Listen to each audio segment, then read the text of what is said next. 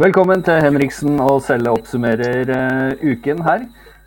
Vi uh, er tilbake hver fredag, og uh, du kan følge oss på de forskjellige plattformene du måtte ønske for podcaster, i tillegg til YouTube og andre plattformer der du ser videoer. I dag så har vi fått med oss en gjest, Erik, og det er Tonje Omdal. Hallo. Hallo, Tonje. Hjertelig velkommen. Da har vi Tom. Eh, Tonje Åndal eh, har, eh, har, vi tatt med fordi vi i dag hadde lyst til å sette fokus litt på barnevernet, som vi har vært opptatt av i partiet De kristne i snart eh, ti år, så lenge vi egentlig har vært i, i nasjonal politikk. Og eh, Tonje, takk for at du stilte. Du kommer rett fra jobb, vet jeg. Eh, ja. Men dette er en sak du brenner for, så jeg tenker at du får energi av å, å snakke om dette her. Og egentlig så er det noe veldig alvorlig vi skal snakke om, eh, Tonje. Eh, for du var i en begravelse i Bergen denne uken. Kan ikke du si litt om, om hva det, det, var, og hva du opplevde der? og Bakgrunnen for det? Eh, jo, jeg var jo i begravelse til Julianna Jacobsen, eh, bedre kalt Alex eh, som tok sitt eget liv i barnevernet. Eh, hun bodde på en institusjon i eh, eh Stendig Sandalen i Bergen, der hun eh, ikke eh, Der hun ikke ble behandla noe bra. Og hun sleit mye med den psykiske helsen. Uh, og det mentale. Uh, og det var mange ganger hun sa at uh, hun trengte hjelp, og hun må innlegges på psykiatrien. Men uh, hun fikk aldri den hjelpen hun skulle hatt. Og helsevesenet og barnevernet og politi og skole, de bare avviste alle varslingene derfra. Og da eh, så hun ikke noen andre alternativer enn å ta sitt eget liv. Og det gjorde hun på den verst tenkelige måten med å sette fyr på seg sjøl. Eh, da må jeg bare si at eh, jeg har sjøl sett eh, videoen der hun ligger på sykehuset og hele kroppen er forbrent, og halve ansiktet er borte. Uh, og det, det, var et sinnssykt sterkt uh, inntrykk, uh, fordi at hun er såpass ung, og hun Ja. Det, det, det, er, ikke en normal ting å gjøre eh, for et barn. Eh, og da, det sier jo litt om hvor galt systemet er.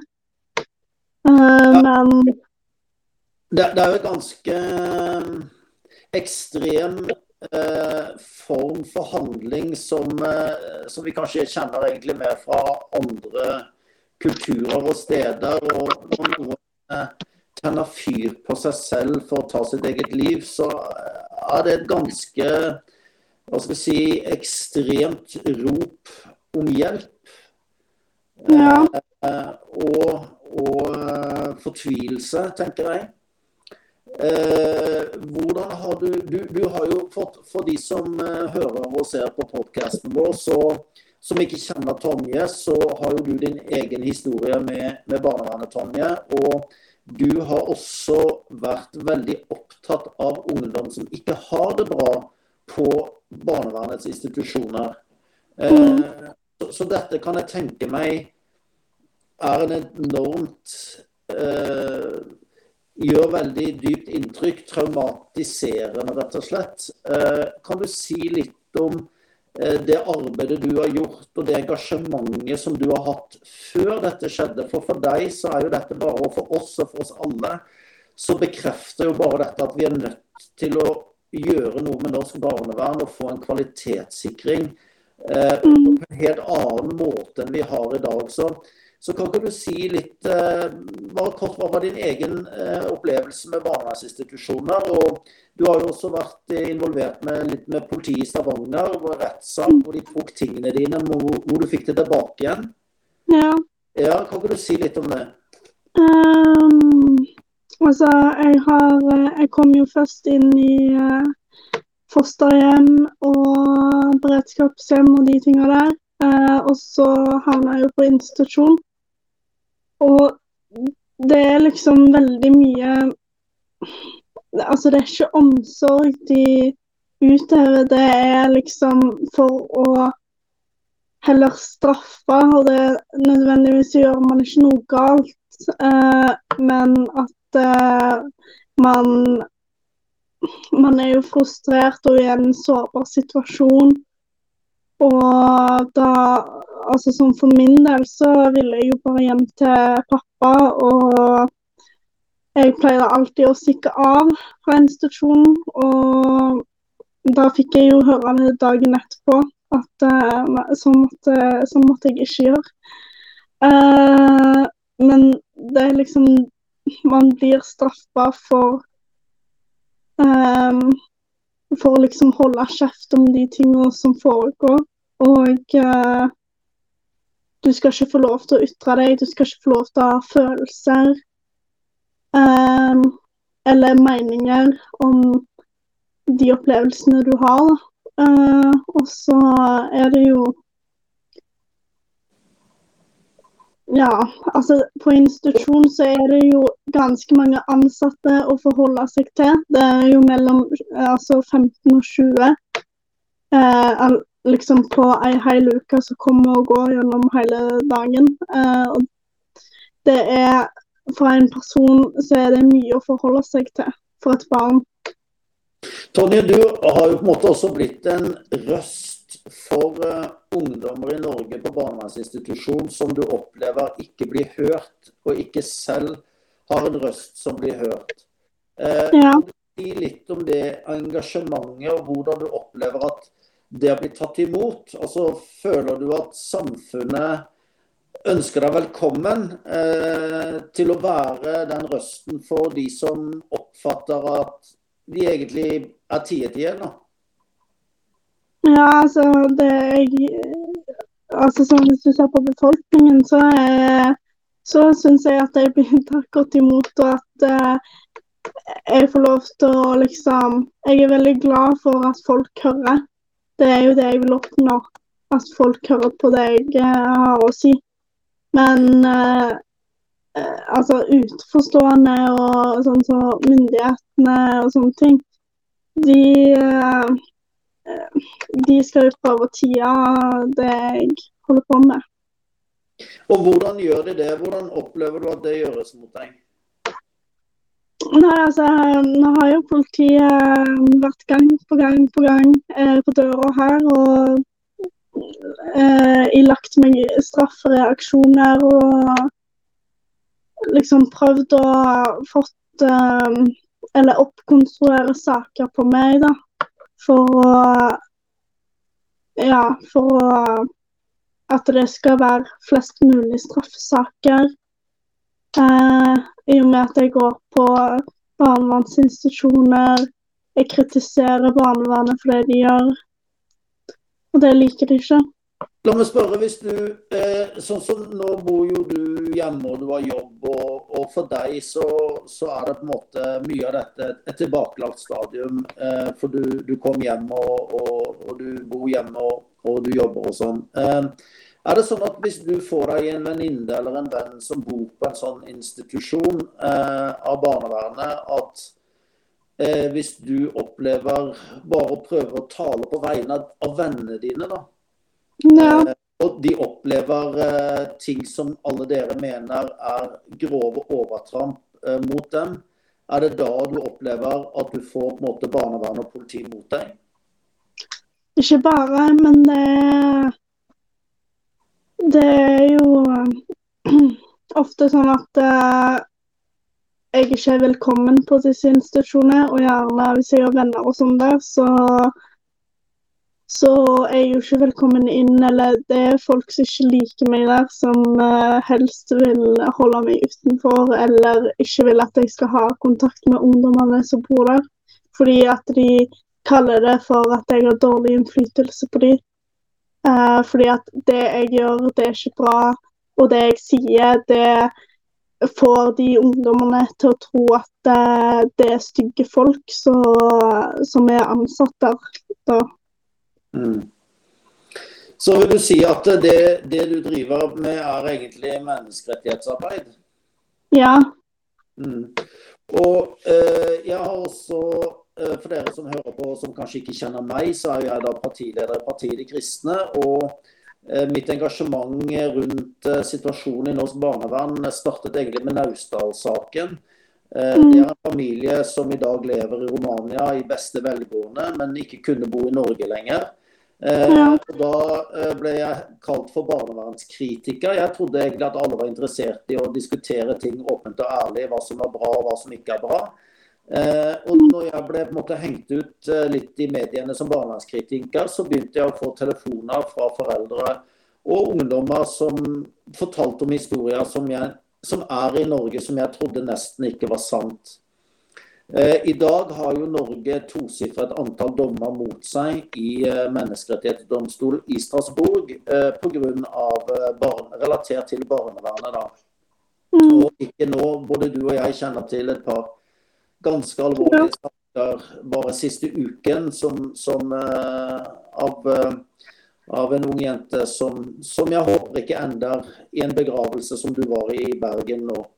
Så hva, hva, tenker du, Tonje, hva kan vi gjøre for eh, å få en bedre situasjon? Hva er målet med eh, arbeidet ditt? Altså, hva er, hva, hvis, du, hvis, du, skulle kunne gi et råd eh, til, til, politikere, eller hvordan ville du se at dette kan bli bedre for disse ungdommene? Noen vet vi burde bare blitt sendt hjem. De vil bare hjem. Vi vet at det er en rekke feilgrep i barnevernet. Masse feile vurderinger.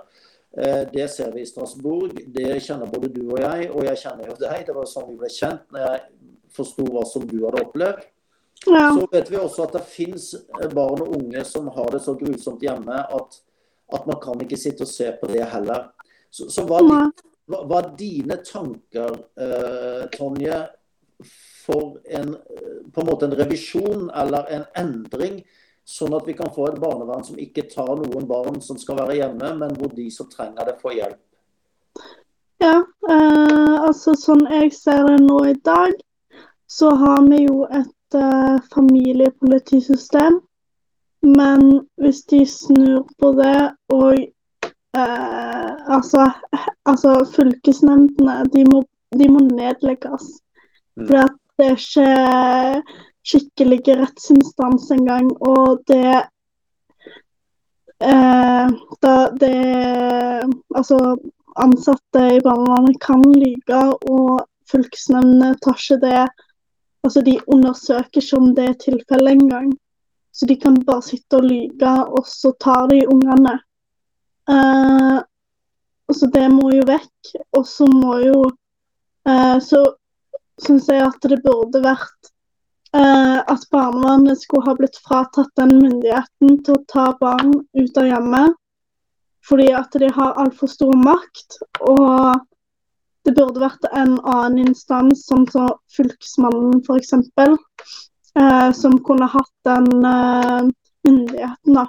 Hvis, altså I det ytterste tilfellet, hvis det var eh, barn som opplevde omsorgssvikt, og den måtte være grov eller blitt utsatt for vold eller seksuelle overgrep, men ikke som eh, hvis et barn eh, har på seg to forskjellige sokker eller, i ulike farger, eller eh, smørt på Nugatti på brødskiva si, eh, eller sånne ting.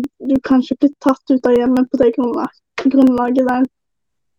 Og det, Der sier du noe som vi i Partiet De Kristne har sagt, anbefalt hele tiden. At vi ønsker å skille omsorgsdelen eh, fra beslutningsdelen. Eh, slik at de som skal ta vare på barn og unge som ikke er deres egne, at det er ikke de som samtidig kan true foreldrene og ta barna men at det må være atskilt. Og vi, hva tenker du om Jeg har foreslått at vi skal ha en 24 timers dommertjeneste. Sånn at ethvert akuttbeslutning, hver akuttvedtak i barnevernet faktisk må gå gjennom en dommer.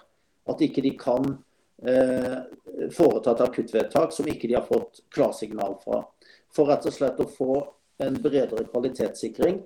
Eh, og hva tenker du om at eh, Jeg tenker at alle lokalpolitikere, eh, i hvert fall kommunepolitikere, må ha større innsyn i hva som pågår i deres kommuner, også i barnevernsinstitusjoner. Så vi må få en inspeksjon av disse institusjonene, hvor barna sikres en uavhengig røst eh, til eh, mennesker som kan ta beslutninger, som ikke er de som på en måte står i deres omsorgslinje til daglig. Nettopp for å avdekke disse tingene som du påpeker. Hva mm. tenker du om det? Jo, det ville jo vært en, eh, en, løsning i hvert fall.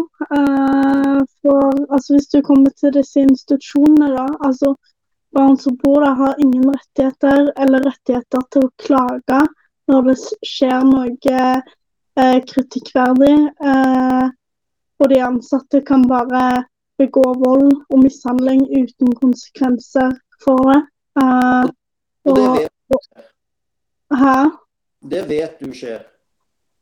Det vet jeg skjer, ja. For at jeg får eh, nesten daglige meldinger fra barn og ungdom som opplever å bli utsatt for dette her på institusjonene. Tonje, eh, det var en vond uke. Jeg fikk dessverre ikke vært i Bergen, men jeg satt og, og fulgte med på det. Og eh, vi har tenkt å fortsette dette arbeidet. Eh, for eh, her må, her, må, politikerne og hele storsamfunnet ta ansvar. Eh, politiet har også ansvar for hva de velger å være med på. Eh, det skal vi også komme tilbake til. Eh, har du noe du har lyst til å si helt på tampen eh, her? Uh, uh, det er vel egentlig at uh,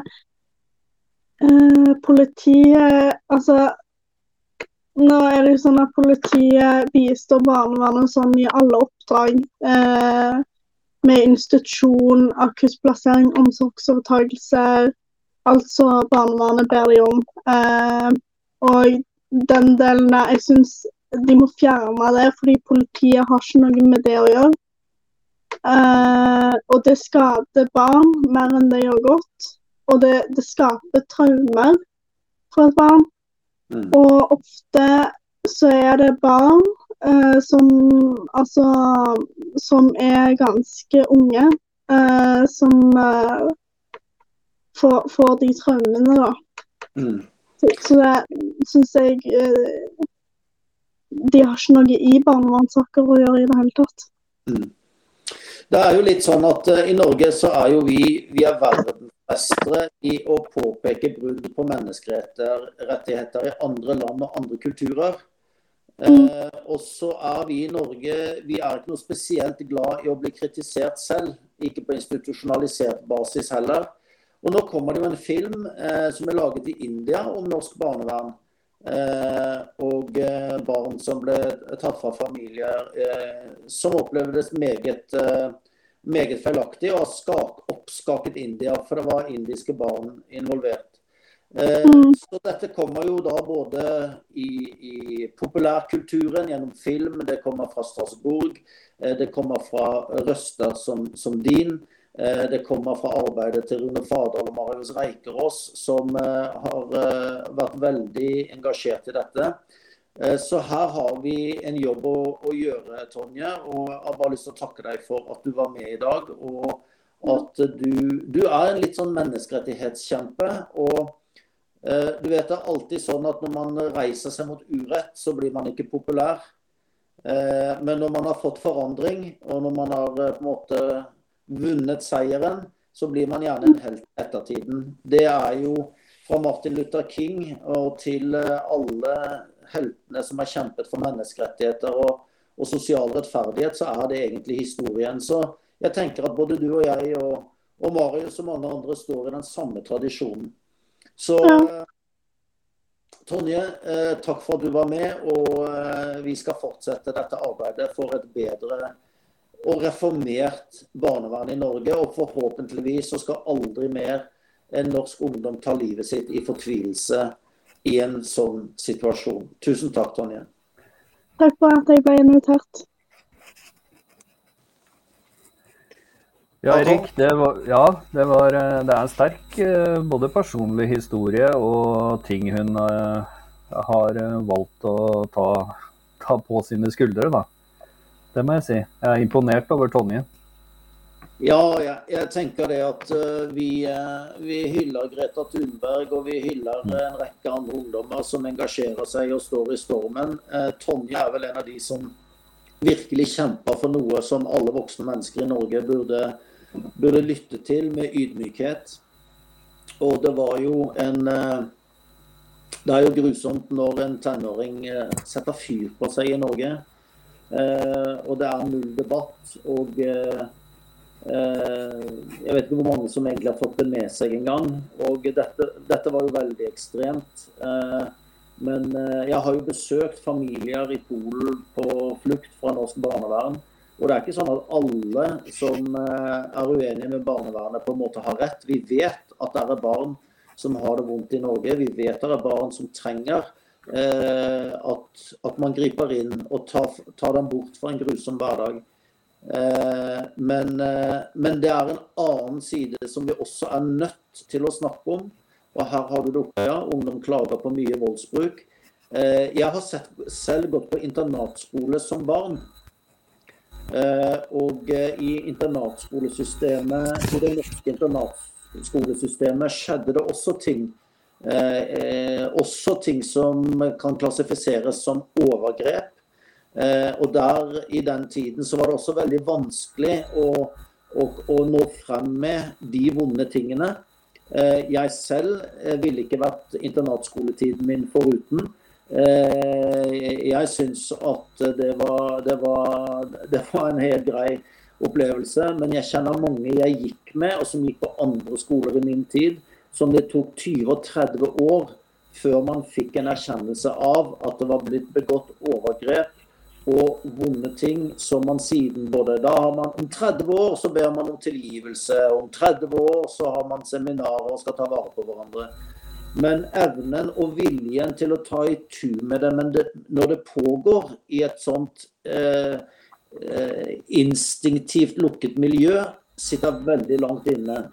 Eh, og det er der jeg er så stolt av ungdommer, norsk ungdom som Tonje.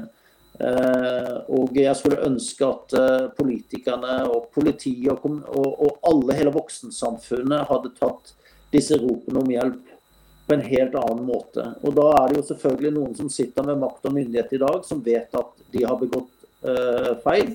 Noen vet at de har begått overgrep, noen vet at de har levd, noen vet at de har hatt en atferd som til og med kanskje klassifiserer for fengsel. Uh, men vi er nødt til å sette ord på disse tingene. Og jeg er, jeg er sjokkert og sorgfull over etter en tosifret antall dommer i Strasbourg mot norsk barnevern, eh, engasjement på politisk nivå i Øst-Europa og India og Latin-Amerika, så sitter vi på vår selvrettferdige, moralske høye hest, og kritikken preller av. Eh, det er som regel et tegn på at noe er galt. Helt klart. Helt klart. Og eh, vi skal bytte litt tema også, fordi dette er en sak vi kommer til å komme tilbake Altså et tema vi, vi har tatt opp. Vi hadde en uh, samling utafor Stortinget i fjor. Uh, den kan du se på YouTube og på dekristne.no osv. Og, og lese mer om det. Uh, og dette er noe som virkelig engasjerer oss, og som gjør at vi ønsker å stå opp og være en røst sammen med Tonje og Marius og de andre da, som er eh, aktive i hverdagen og gjør dette på heltid. Ja, og jeg har lyst til å bare presisere Tom, at uh, vi har jo vært aktive på Arendalsuken, uh, som er det store si, samlingspunktet for Makt-Norge. Og, og, Der har det jo vært tilfeller av parallelle samlinger av på den ene siden voksne mennesker som er traumatisert og har det vondt i dag, og anklager på en måte barnevernet for ikke å ha grepet inn, som forteller om grusomme historier i, i oppveksten. Og så har du samling for de som opplevde fullstendig sjokkerende maktovergrep fra barnevernets side, eh, som aldri skulle vært tatt hjemmefra.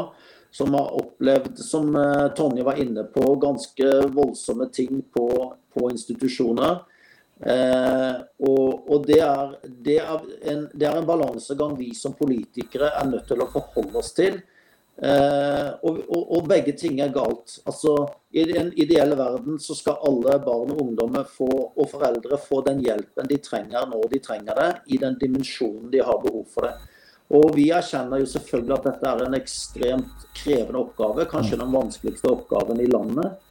Men derfor blir det enda mer viktig å få checks and balances, at vi får et system med bedre kvalitetssikring eh, av både beslutninger og oppfølging. Og jeg må si at eh, jeg blir forundret over eh, den lave terskelen noen ganger eh, enkelte barnevern har hatt for å gripe inn i omsorgssituasjonen i biologiske hjem, mens eh, omsorgssvikten i barnevernets omsorg hvem, hvem, griper inn når det er omsorgssvikt under barnevernets omsorg? Det, det, er, er den, det, er, jo virkelig den missing linken her. Ja, vi, har vi, har jo en, vi har en rapport fra vår eh, medlem Marita Moltu, som satte i gang dette undersøkelsen i Bergen, som eh, avdekka store svikt og rutiner som ikke følges opp. Og man har ikke et system for å, å catche det som institusjonene muligens ikke klarer å leve opp til for å ja. hjelpe barna. Ja. Og Da Marita satt som varaordfører i Bergen, så fikk hun jo gjennom at uh, man opprettet en, en, hva skal si, en arbeidsgruppe, en komité, som kunne gå gjennom barnevernssaker på selvstendig grunnlag. Og etter Naustdal-saken, det var vel i 2014, tror jeg, så skrev jeg et, eh, et, brev til daværende minister Solveig Horne, hvor partiet De kristne ba om en opprettelse av en nasjonal, uavhengig ankeinstans. Eh, hvor alle som opplever eh, urettferdig eller feilbehandlet av barnevernet, kunne rette sin sak. nettopp for å lage en ventil for å kunne gå inn og se utenfra og inn Eh, og det neglisjerte jo FrPs eh, barne- og familieminister. Eh, men jeg mener fremdeles at det er rett, et rett grep, ett av flere.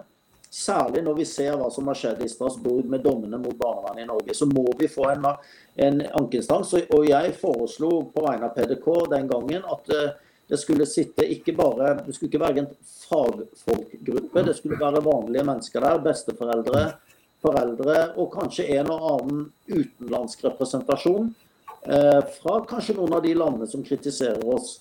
Eh, nettopp for å få en bredest mulig vurdering og analyse av situasjonen. For noen ganger trenger vi å bli speilet utenfra. Noen ganger så trenger vi å bli sett utenfra for å få en rett forståelse av oss selv. Eh, og det tror jeg hadde vært veldig, veldig sunt for norsk barnevern. Helt klart. Eh, da har jeg tenkt å spille en uh, liten video. Uh, vi beveger oss litt ut i verden. Uh, de siste uka så har det jo vært store møter rundt omkring. Og det vi kaller eliten har jo møttes og sørget for at karbonavtrykket til eliten i så fall holder seg på et stabilt høyt nivå. så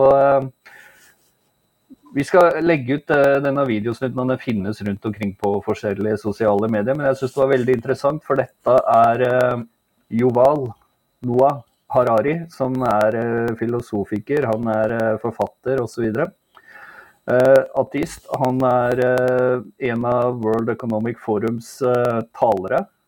han taler titt og ofte til de som deltar. COVID is critical because this is what convinces people to accept, to legitimize total biometric surveillance. If we want to stop this epidemic, we need not just to monitor people, we need to monitor what's happening under their skin. What we have seen so far, it's corporations and governments collecting data about where we go, who we meet, what movies we watch. The next phase is the surveillance going under our skin. We're now seeing mass surveillance systems established even in democratic countries, which previously rejected them. And we also see a change in the nature of surveillance. Previously, surveillance was mainly above the skin. Now it's going under the skin. Governments want to know not just where we go or who we meet, above all, they want to know what is happening under our skin. What's our body temperature? What's our blood pressure? What, what is our medical condition? Now humans are developing even bigger powers than ever before. We are really acquiring divine powers of creation and destruction. We are really upgrading humans into gods. We are acquiring, for instance, the, the power to re engineer life. I know that in recent years we saw populist politicians undermining deliberately the trust that people have in important institutions like universities, like respectable media outlets. These populist politicians told people that, say, scientists are this small elite disconnected from the real people. I mean, all this story about Jesus rising from the dead and being the Son of God, this is fake news. Humans are now hackable animals you know, the, the whole idea that humans have, you know, this, they, they have this soul or spirit and they have free will and nobody knows what's happening inside me. So whatever I choose, whether in the election or whether in the supermarket, this is my free will, that's over. Uh, mannen. Og han sier jo rett og slett at han uh, har et ønske og ser at verden beveger seg én ting i en totalitær retning med overvåkning, med den teknologiske biten vi har tilgjengelig akkurat nå. Og det ser vi jo i Kina. Det snakkes om social credit score som en løsning. Og det er vel noen kredittselskaper som allerede har selskaper de vurderer eh, i forhold til en slags eh, indeks på om de gjør det rette i henhold til hva man ønsker eh, osv. Og, så og det skiftet man ønsker å få til. Og, og, du nevnte for meg litt tidligere i dag, Erik, og norsk eh, dame som har vært en tur i Davos. Kan ikke du eh, dra oss litt igjennom dette? Ja, altså Joal Harari han er jo professor, eh, historieprofessor på eh, Hebrew University i eh, Jerusalem Israel. Og eh, han er vel en av de mest eh, skremmende ideologene jeg vet om i verden i dag. Eh, han gjorde enormt gjennombrudd med bøkene sine, bl.a. Homo Deus, hvor budskapet hans er jo egentlig todelt. Det ene er at han er en en troende evolusjonist. Han tar evolusjon helt ut. Og, og, egentlig er det logisk, eh, fordi hvis mennesket er et resultat av evolusjon ifra ingenting via dyreverden, så kan det ikke være noe kvalitativt annerledes ved mennesket enn dyrene. Eh, og det er jo et opprør mot eh, hele eh, Egentlig all eh, religion, for å si det sånn. Men, men det er i hvert fall et opprør mot, mot Bibelen. Det er et opprør mot, mot uh, Hararis egne jødiske røtter og bakgrunn.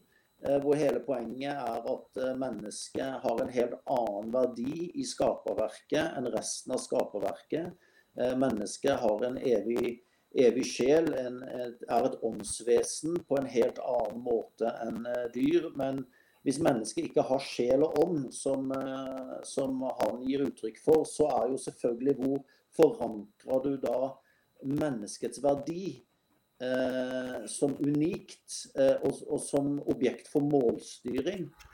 Eh, og så er det jo dette med eh, kunstig intelligens og mulighetene som ligger i teknologien.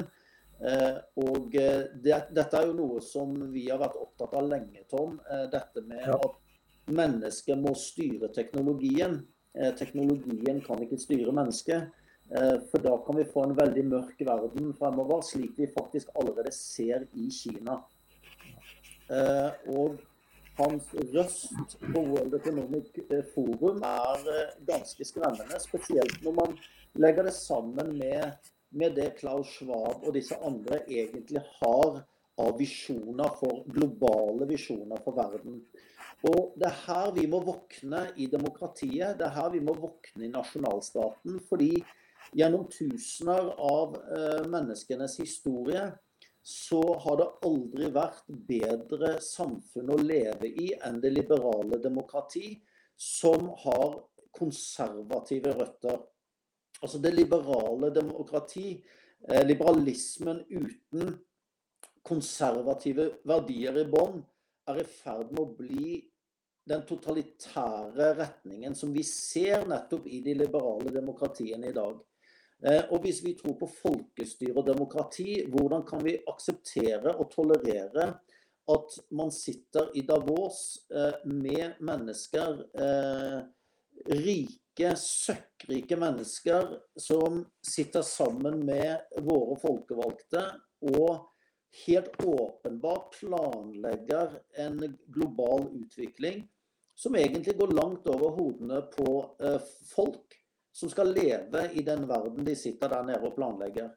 Eh, og et eksempel det er jo Kjersti Bråten fra DNB, eh, som var på World Economic Forum og sier eh, følgende at energy transition will create energy shortages and inflationary pressures, but this pain is worth it.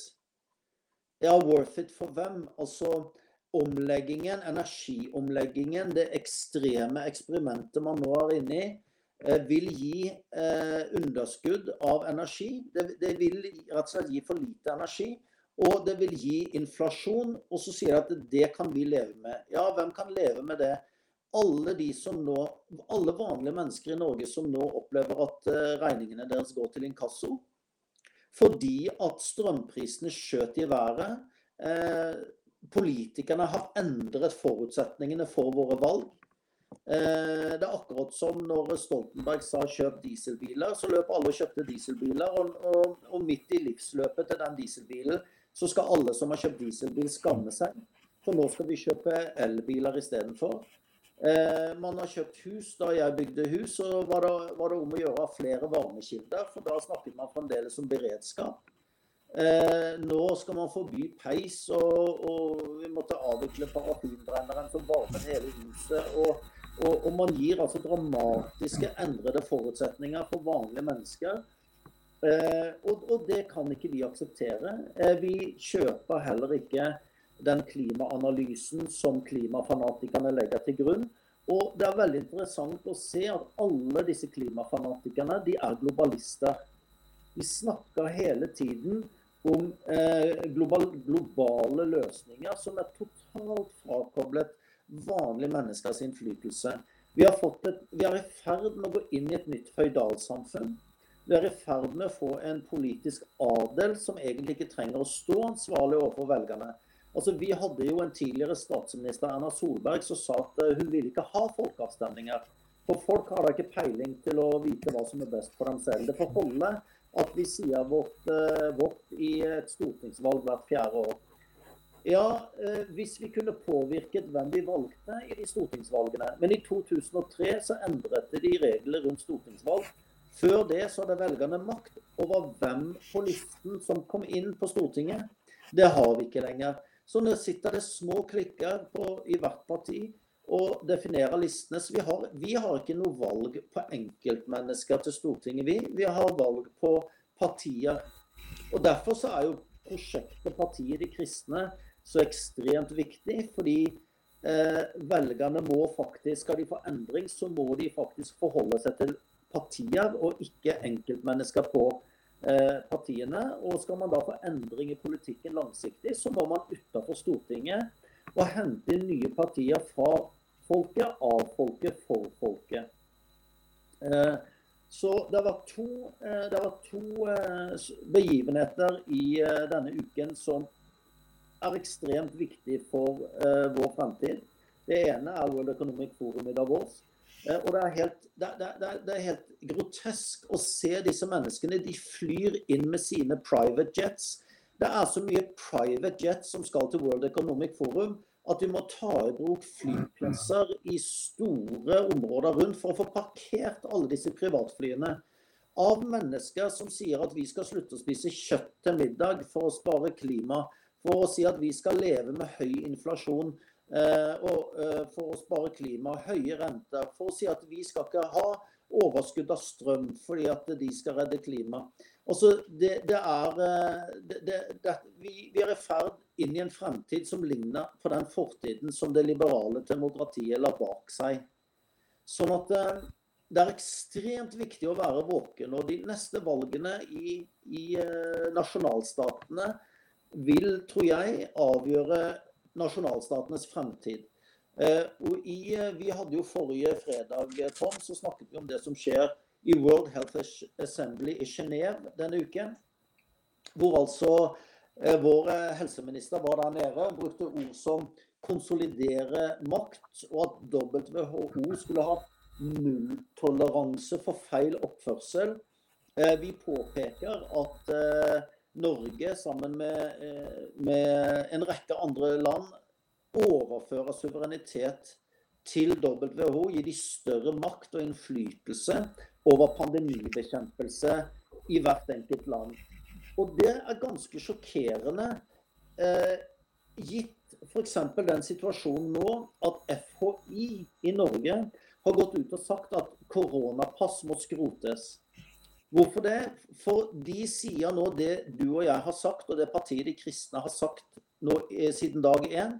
Koronapass er en dårlig idé. Og når det ble helt åpenbart for alle at vaksinene eh, ikke hindret folk å bli smittet, og ikke hindret folk å smitte videre, så er det å skille på uvaksinert og vaksinert gjennom koronapass fullstendig meningsløst. Og når man da ser at EU eh, ikke på tørre møkka gir seg på dette her, eh, når vi ser eh, i Kina hvor man har innført en form for nulltoleranse for korona altså Det er drakoniske tiltak som er implementert. Se i Shanghai. Eh, hvem skal definere hva som da er feil oppførsel? Altså WHO skal sitte med makt over nasjonalstatene til å koordinere og dirigere tiltak på pandemi om det skulle komme globalt, og også definisjon på hva som kommer inn under det ansvarsområdet. Og jeg, Etter at vi hadde eh, samtale sist, så tok jeg kontakt med politikere på Stortinget som hadde ingen idé. De ante ikke hva jeg snakket om. Ikke visste de at det var noe møte i Genéve denne uken. Ikke visste de at uh, norske myndigheter, helt fra Erna Solberg, uh, har bedt om større fullmakter til eh, WHO. Så det, sitter, det, det, det, er ganske sjokkerende å, å bevitne dette her. så det vi har sagt hele tiden, det er at vi trenger en renessanse for nasjonalstaten. Vi trenger en vital, eh, vitamininnsprøytning, en, en eh, eh, vitalisering av folkestyret, før dette er irreversibelt. Og det systemet som faktisk er i Kina i dag, av social scores, altså går du på rødt lys, det er kamera overalt. De, de registrerer alt du sier og gjør. Og hvis ikke du oppførselen din er i tråd med kommunistpartiets eh, linjer og idealer, så mister du så, eh, såkalt eh, social score. Og det kan være alt fra jobb, universiteter eh, eh Internettilgang. Ja. Internettilgang, rett og slett. Så ja, hele, denne, hele denne pakken av hva som skjer i World Economic Forum, hva som skjer i WHO. Eh, vi vet at Tetros, en gammel marxist som sitter og leder eh, WHO, fikk akkurat fem nye år. Vi vet hans nærhet kommunistpartiet Kina. Og eh, ingen må ha noen illusjoner om hva Kina er. Kina er et kommunistisk regime, slik kommunismen alltid har vært. Det sitter altså et enormt antall muslimer i konsentrasjonsleirer, fangeleirer det sitter kristne i fangeleirer. Det sitter rett og slett opposisjonelle i fangeleirer. Og det er absolutt null interesse globalt for bruddene på menneskerettighetene i Kina. Eh, og okkupasjonen av Tibet er det jo ingen som snakker om lenger. Og når vi hadde statsbesøk fra Kina, og, og tibetanerne og deres venner ville demonstrere for fritt Tibet, så brukte, altså, så brukte man norsk politi til å jage de vekk fra Karl Johan, så våre kinesiske gjester ikke skulle bli belemret med ytringsfrihet, eh, som er en forutsetning for våre demokratier. Så Tom, akkurat dette her er det er alvorlig, de, eh, de, føringene som gir på ideologisk grunn fra en mann som vi så videoen til, eh, til hva som skjer faktisk i World Economic Forum i Davos, til det som skjer i WHO. Men er ikke vi bare konspiratører når vi sitter og sier sånn som dette? Liksom, folk eh, nekter jo å tro på mye av det vi sier, enda vi henviser til kilder. Da. Og rene åpne aviser. Ehm, jeg pleier ofte å vise til Nettavisen, men allikevel så er jeg liksom Nei, da, dere er litt konspiratører, og det kommer ikke til å skje, og vanlige folk kommer til å våkne opp og litt sånn da, før den tid. Men jeg personlig tror det har gått så langt nå at den verdensbildet du uh, egentlig malte her nå uh, de siste minuttene, det, det kommer til å bli en virkelighet. Ja, og, det som jeg syns er eh, liksom eh, vi, vi, har jo nå akkurat en, eh, en, annen sak i det norske storting som går på amerikanske baser i Norge. Eh, og, og, vi har vært gjennom den kalde krigen, eh, hvor virkelig Sovjetunionen og USA kjempet stedfortredende kriger over hele verden. Fra Afrika til Latin-Amerika overalt. Det var en ren kamp om verdensherredømme. Eh, og vi var en del av Nato, og det skal vi være. Men vi hadde en politikk overfor selv Sovjetunionen som var balansert mellom avskrekking og beroligelse. avskrekkingen lå i vårt Nato-samarbeid. Vi hadde årlige Nato-øvelser. Vi hadde Nordkommandoen på Kolsås for Nato. Eh, ingen var i tvil om vår deltakelse i Nato. Samtidig så la Norge bånd på seg i forhold til øvelsesaktiviteter eh, øst i Finnmark.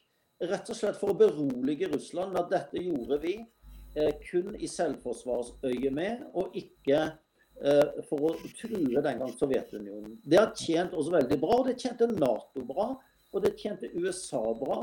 Fordi at den beroligelsen gjorde at man unngikk atomkrig. Eh, man var vel aldri nærmere atomkrig enn Cuba-krisen, eh, hvor USA sa at det er uaktuelt med sovjetiske våpen på Cuba. Eh, og så, i dette bildet, så hadde vi noe som heter baseavtale. Og Det betyr at vi hadde ikke permanente amerikanske baser i Norge i fredstid. Nå har eh, det som begynte med regjeringen Solberg, som Støre har overtatt, det er en endring av basepolitikken. Eh, tirsdag 24. mai eh, så avga utenriks- og forsvarskomiteen sin innstilling om den nye forsvarsavtalen med USA. Det er ikke med Nato, men det er USA. Med amerikanske baser og områder på norske baser som er autonome. Eh, neste uke, dvs. Si i dag er vi fredag, over helgen, så skal dette vedtas i Stortinget. Og mest sannsynlig så vedtas dette med stort flertall. Eh, og det er interessant at jusprofessor Terje Einarsen mener regjeringen tilslører realitetene med eh, forsvarsavtalen i et intervju i Klassekampen. Og han sier at det er vanskelig å se at dette har en annen forklaring enn at regjeringen vil ha en innsnevret diskusjon om dette når saken kommer opp i Stortinget. Altså Det er det samme som vi har sett med WHO. Etter vårt møte forrige podkast forrige fredag, Tom, så mm. har jeg fått henvendelser fra leger som lurte på hva vi pratet om av hva som skjer i WHO. Det hadde de ikke fått med seg. Politikere som lurte på hva jeg prater om når jeg ringte dem for å høre hva de hadde tenkt å si. Eh, og når eh, Kjerkholt eh, bruker da ord som, eh, som konsolidere Konsolidere betyr egentlig styrket makt. Og når man snakker om nulltoleranse altså, Det er ikke den norske regjering som skulle ha nulltoleranse. Det var WHO som skulle ha nulltoleranse. Ja, hva skal de gjøre da? Eh, en multikulturelt styrket tilsvar. Også, Ja, altså de har, de har allerede gjort en avtale gjennom FN-systemet eh, ved alvorlige pandemier, at man da kan sette inn ressurser man da har i de to systemene. Ja, poenget mitt Tom, det er bare det at det vi ser ifra eh, de ledende politikerne i Norge i dag, de ideologisk førende politikere, det er at jusprofessoren treffer blink. Man bruker en retorikk som tilslører substansen i beslutningene, for at ikke dette skal egentlig bli en diskusjon før eh, politikken er gjennomført. Og Vi så det samme i FNs migrasjonsavtale, hvor altså eh, Frp og Høyre er akkurat like skyldig som Arbeiderpartiet og Senterpartiet her. Eh, altså Sylvi Listhaug er eh, med og utarbeider FNs migrasjonsplan. Eh, og den hadde de faktisk ikke tenkt å legge en gang frem for Stortinget før den ble signert i Marrakech. Eh, akkurat det samme som jusprofessoren påpeker. En hel ord med ord og retorikk som man nesten ikke kan være uenig i, men tilslører substansen i de avtalene som underskrives. Og da, og da er mitt budskap til velgerne at eh, da, da, må du få, du må få nye partier inn på Stortinget som er villige til å slå i bordet og si at eh, vi vil ikke lenger ha denne type eh, fra politikerne. Og vi, jeg tror at grunnen til at alle disse store globale avtaler, det er samme som EØS-avtalen, mm. som de sier har vært en handelsavtale. Men det er helt åpenbart at det ligger suverenitetsavståelse i EØS-avtalen. Eh, eksempelet er altså mars 2020, når Erna Solberg-regjeringen stenger ned samfunnet og utarbeider en redningspakke for norsk næringsliv. Det går altså 14 dager før den blir implementert. For en norsk regjering må vente på godkjennelse i EU for å iverksette en redningspakke for eget næringsliv. Hvis ikke det er suverenitetsavståelse, så, eh, så er ingenting det. Eh, og alle disse avtalene har det samme eh, karaktertrekket at substansen i avtalene er tilsløret tåkelagt. Nettopp for å hindre den debatten det skulle være. Alle disse avtalene skulle minimum vært lagt fram for folkeavstemning.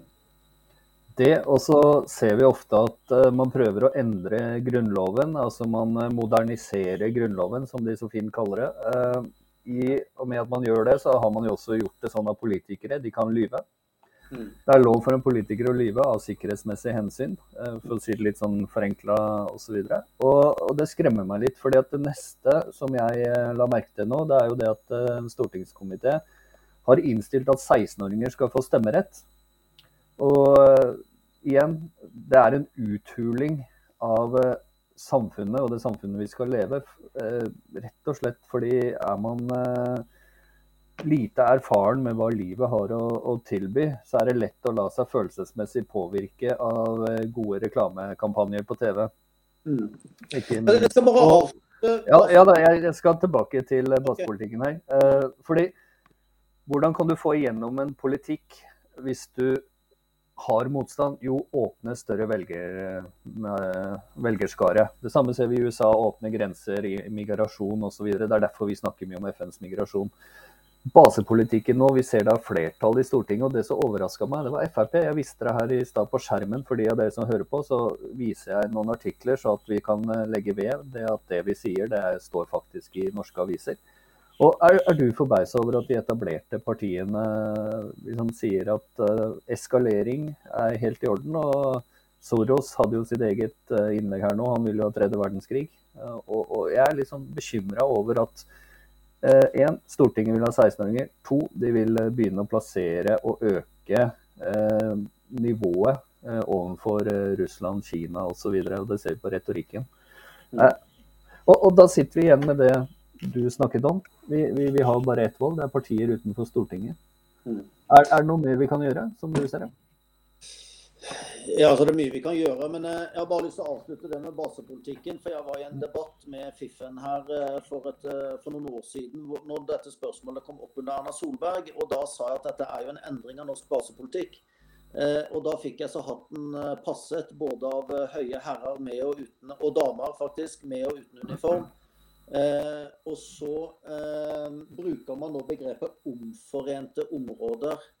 Eh, I dag erkjenner man jo alle at dette er eh, både eh, Eriksen Søreide, eh, både representanter fra Arbeiderpartiet og Høyre har vært ute i mediene og sagt at dette er ikke å endre norsk basepolitikk, for den var dynamisk. Den kunne strekkes under endrede forhold.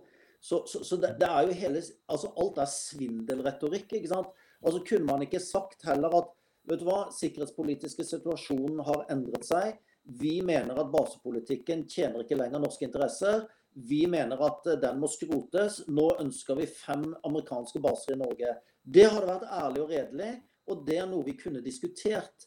Men å først skjelle ut eh, en eh, en debattant som meg for å si at det er endret basepolitikk, for så å si, kalle det omforente områder. Ingen som skjønner hva det er i, det hele tatt. Det er, nei, nei, nei. Det er liksom ingen referanse til virkeligheten i det hele tatt. Og så sitte på, på TV når man endelig er tatt med buksene nede og si at ja, men den er dynamisk. Det er fremdeles ikke endring av basepolitikken. Det er bare en dynamisk trekk av liksom det handlingsrommet som ligger der. Så jeg tror at eh, vi har en politisk elite som har en form for eh, de, de føler at de, de, det er en selvfølge at de sitter på toppen i politikken. De, har fått en rettighetsfølelse eh, til å forvalte det norske folks interesser. Og det ligger rett og slett i at det har foregått en maktforskyvning fra velgerne til partiene som gjør at de enkelte politikerne ikke er så avhengig av velgerne. Fordi hvis det er sånn at alle syns at Erna Solberg har eh, gått for langt eh, og, og stryker henne på listen, vel, så kan du kanskje forhåndskumulere to eller tre, sånn som du gjør på et lokalvalg. Men resten av den listen er det velgerne som stokker.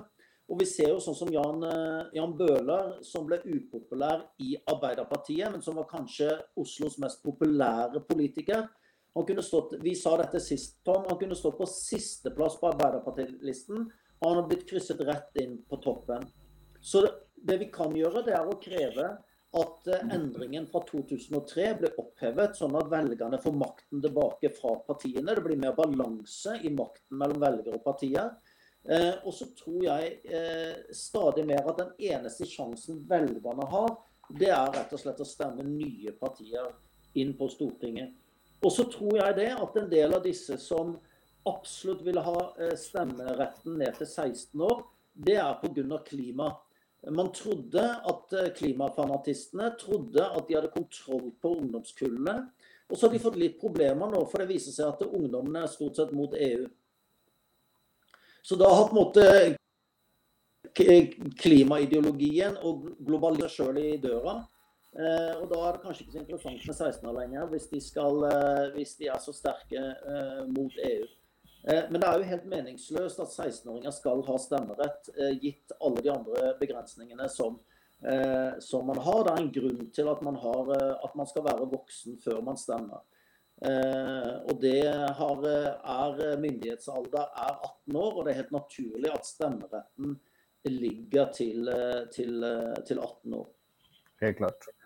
I tillegg til det så eh, skal vi gå inn for landing her etter hvert også. Eh, dette skjer så mye nå. Altså Vi kunne ha laga en podkast på tre-fire timer. Vi skal prøve å holde oss til litt over timen. Du, du, nevnte litt tidligere til meg i dag at du hadde en del nyheter både i forbindelse med Israel og ikke minst så hadde India vært ute og påpekt noe overfor resten av verden som kanskje de fleste ikke helt får med seg. Ja, Vi kan jo ta en gladsak, for det har vært en del tunge ting her nå. Eh, vi, ser ikke, vi ser faktisk ikke på livet så mørkt.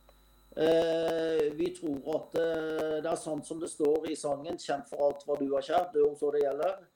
Eh, da er livet ei så svært, og døden ikke heller. Eh, jeg tror eh, det er et, en sang som uttrykker viktigheten av engasjement, og at det er mulig å skape forandring og forme samfunnet. Eh, i den retningen man ønsker å, å, å få folket med seg. Eh, en kjempegod nyhet det er fra Tsjad. Vi skal til Afrika. Tsjad er et eh, dominert muslimsk land. De tok imot nå Israels ambassadør til landet for første gang på 50 år.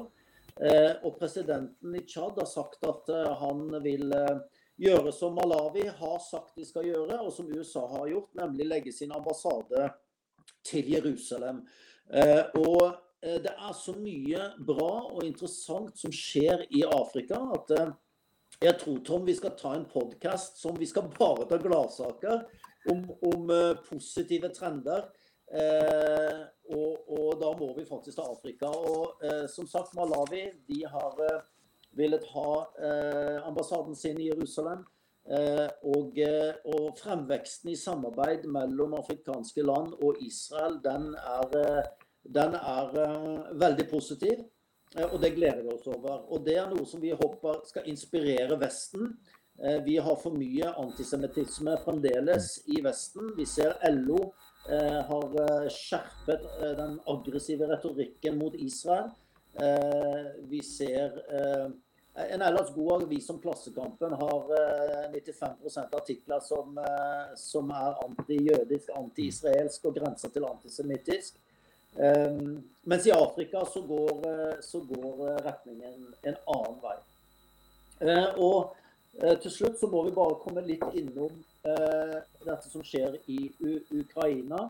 Jeg skal bare gi en liten kort eh, sammenheng. fordi eh, da Biden første gangen sa at han var ute etter regimeendring i Russland og svekke Russland, så var det så oppsiktsvekkende at White House prøvde å dempe det han sa. Nei, det var ikke det han mente. Stemmer det. Nå, det, er, det går så fort at det er noen uker siden. Og, og, og, antagelig så målte de reaksjonene, og i Vesten var ikke, var ikke, reaksjonene på det så sterke. I Vesten er man veldig tydelig på nå at, eh, at ja, man skal svekke Russland, man, man, skal fjerne Putin og sånne ting. Eh, og man sier at eh, Russland er isolert i hele verden. Men det, det er viktig for oss i Vesten å egentlig forstå hele situasjonsbildet. Og fra India så kom det jo en uttalelse om at, at det er rett og slett sinnssykt å svekke Russland. Eh, og som Sun Tzu sa, den store kinesiske krigsfilosofen, at hvis du har en overveldende fiende som kommer mot deg, så må du lage en gyllen bro bak han, sånn at han kan gjøre retrett med æren i behold. Og det er kanskje noe som vi skal legge oss eh, på minne. Og jeg syns det er vi, vi, er tilbake, som vi har hatt litt tendensen i, i programmet i dag, Tom, til den, den, manglende friheten i debatten. Kai Eide er ute i Klassekampen. Julie Wilhelmsen er ute i Klassekampen. Eh, ledende mennesker i norsk samfunnsliv som forsker og som erfaren UD diplomat som, som opplever Han sier, Kai Eide sier i Klassekampen at han frykter taktfast marsj. Altså, det, det, er jo en retorikk vi kjenner det, er jo hva skal vi si, en, en, en atferd vi kjenner fra land vi ikke ønsker å sammenligne oss med.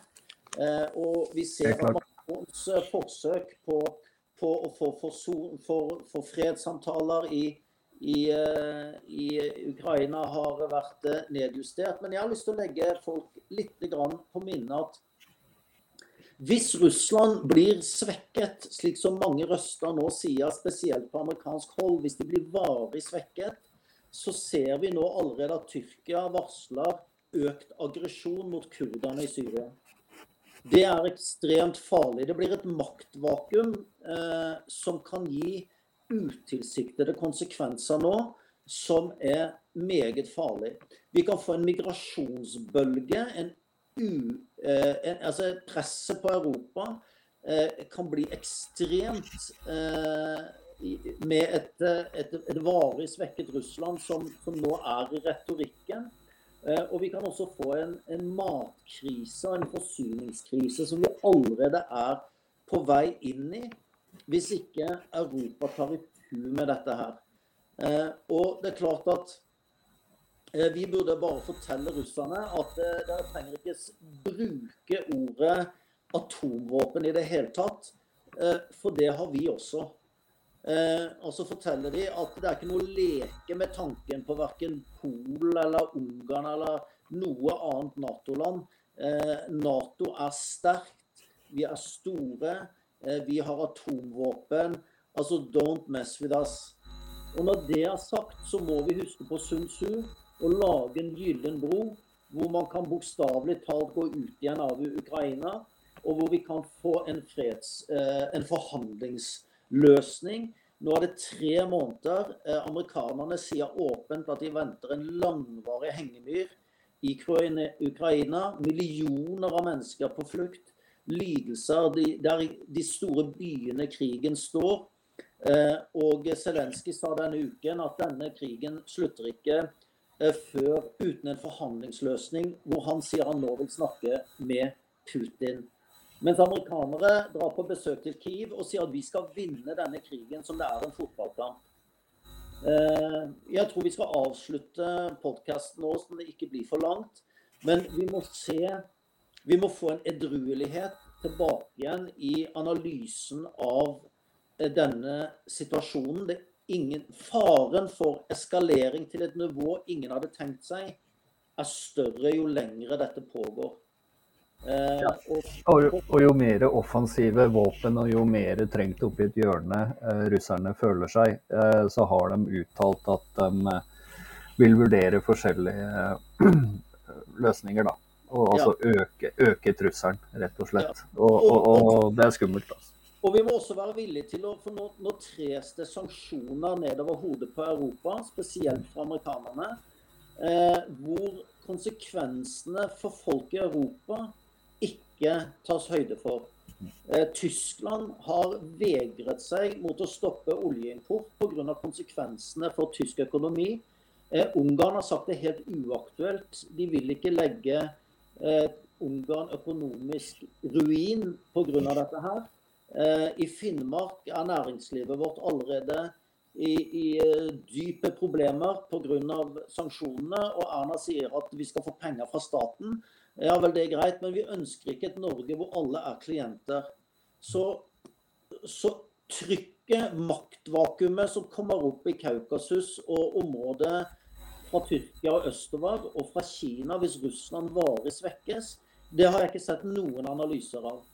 Eh, og som sagt, For to-tre uker siden var det uhørt, og nå er det nærmest blitt et premiss på, på vestlig side. Og disse, disse, analysene må gjøres. Og så skal vi selvfølgelig si det vi alltid sier. Putin er aggressor. Han har invadert Ukraina. Det skal fordømmes. Det må få sin slutt. Og så er hvordan løser vi det? Og Så får vi heller komme tilbake til hvorfor det skjedde en annen gang. Og med det så eh, går vi inn for landing i dag og avslutter. Du eh, kan eh, se denne podkasten på YouTube-kanalen til De kristne. Flere andre YouTube-kanaler. Det kan godt hende den kommer opp i feeden din. Vi kommer til å vise den også på PDK Convention sin Facebook-side. Sannsynligvis kommer vi til å dele på våre egne sider også. Så følg med, og ikke minst, du kan høre den på Spotify, du kan høre den på andre plattformer.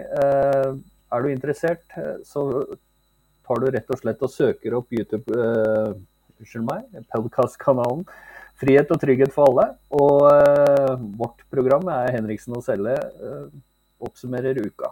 Med det så ønsker vi dere alle sammen en riktig god helg. Og håper på knallvær. Og ta og feir sammen med familien. Vær sammen med familien, gjør noe avslappende. La alt dette negative som vi har vært litt innom, og ende med det positive med en god familie her. Takk for oss.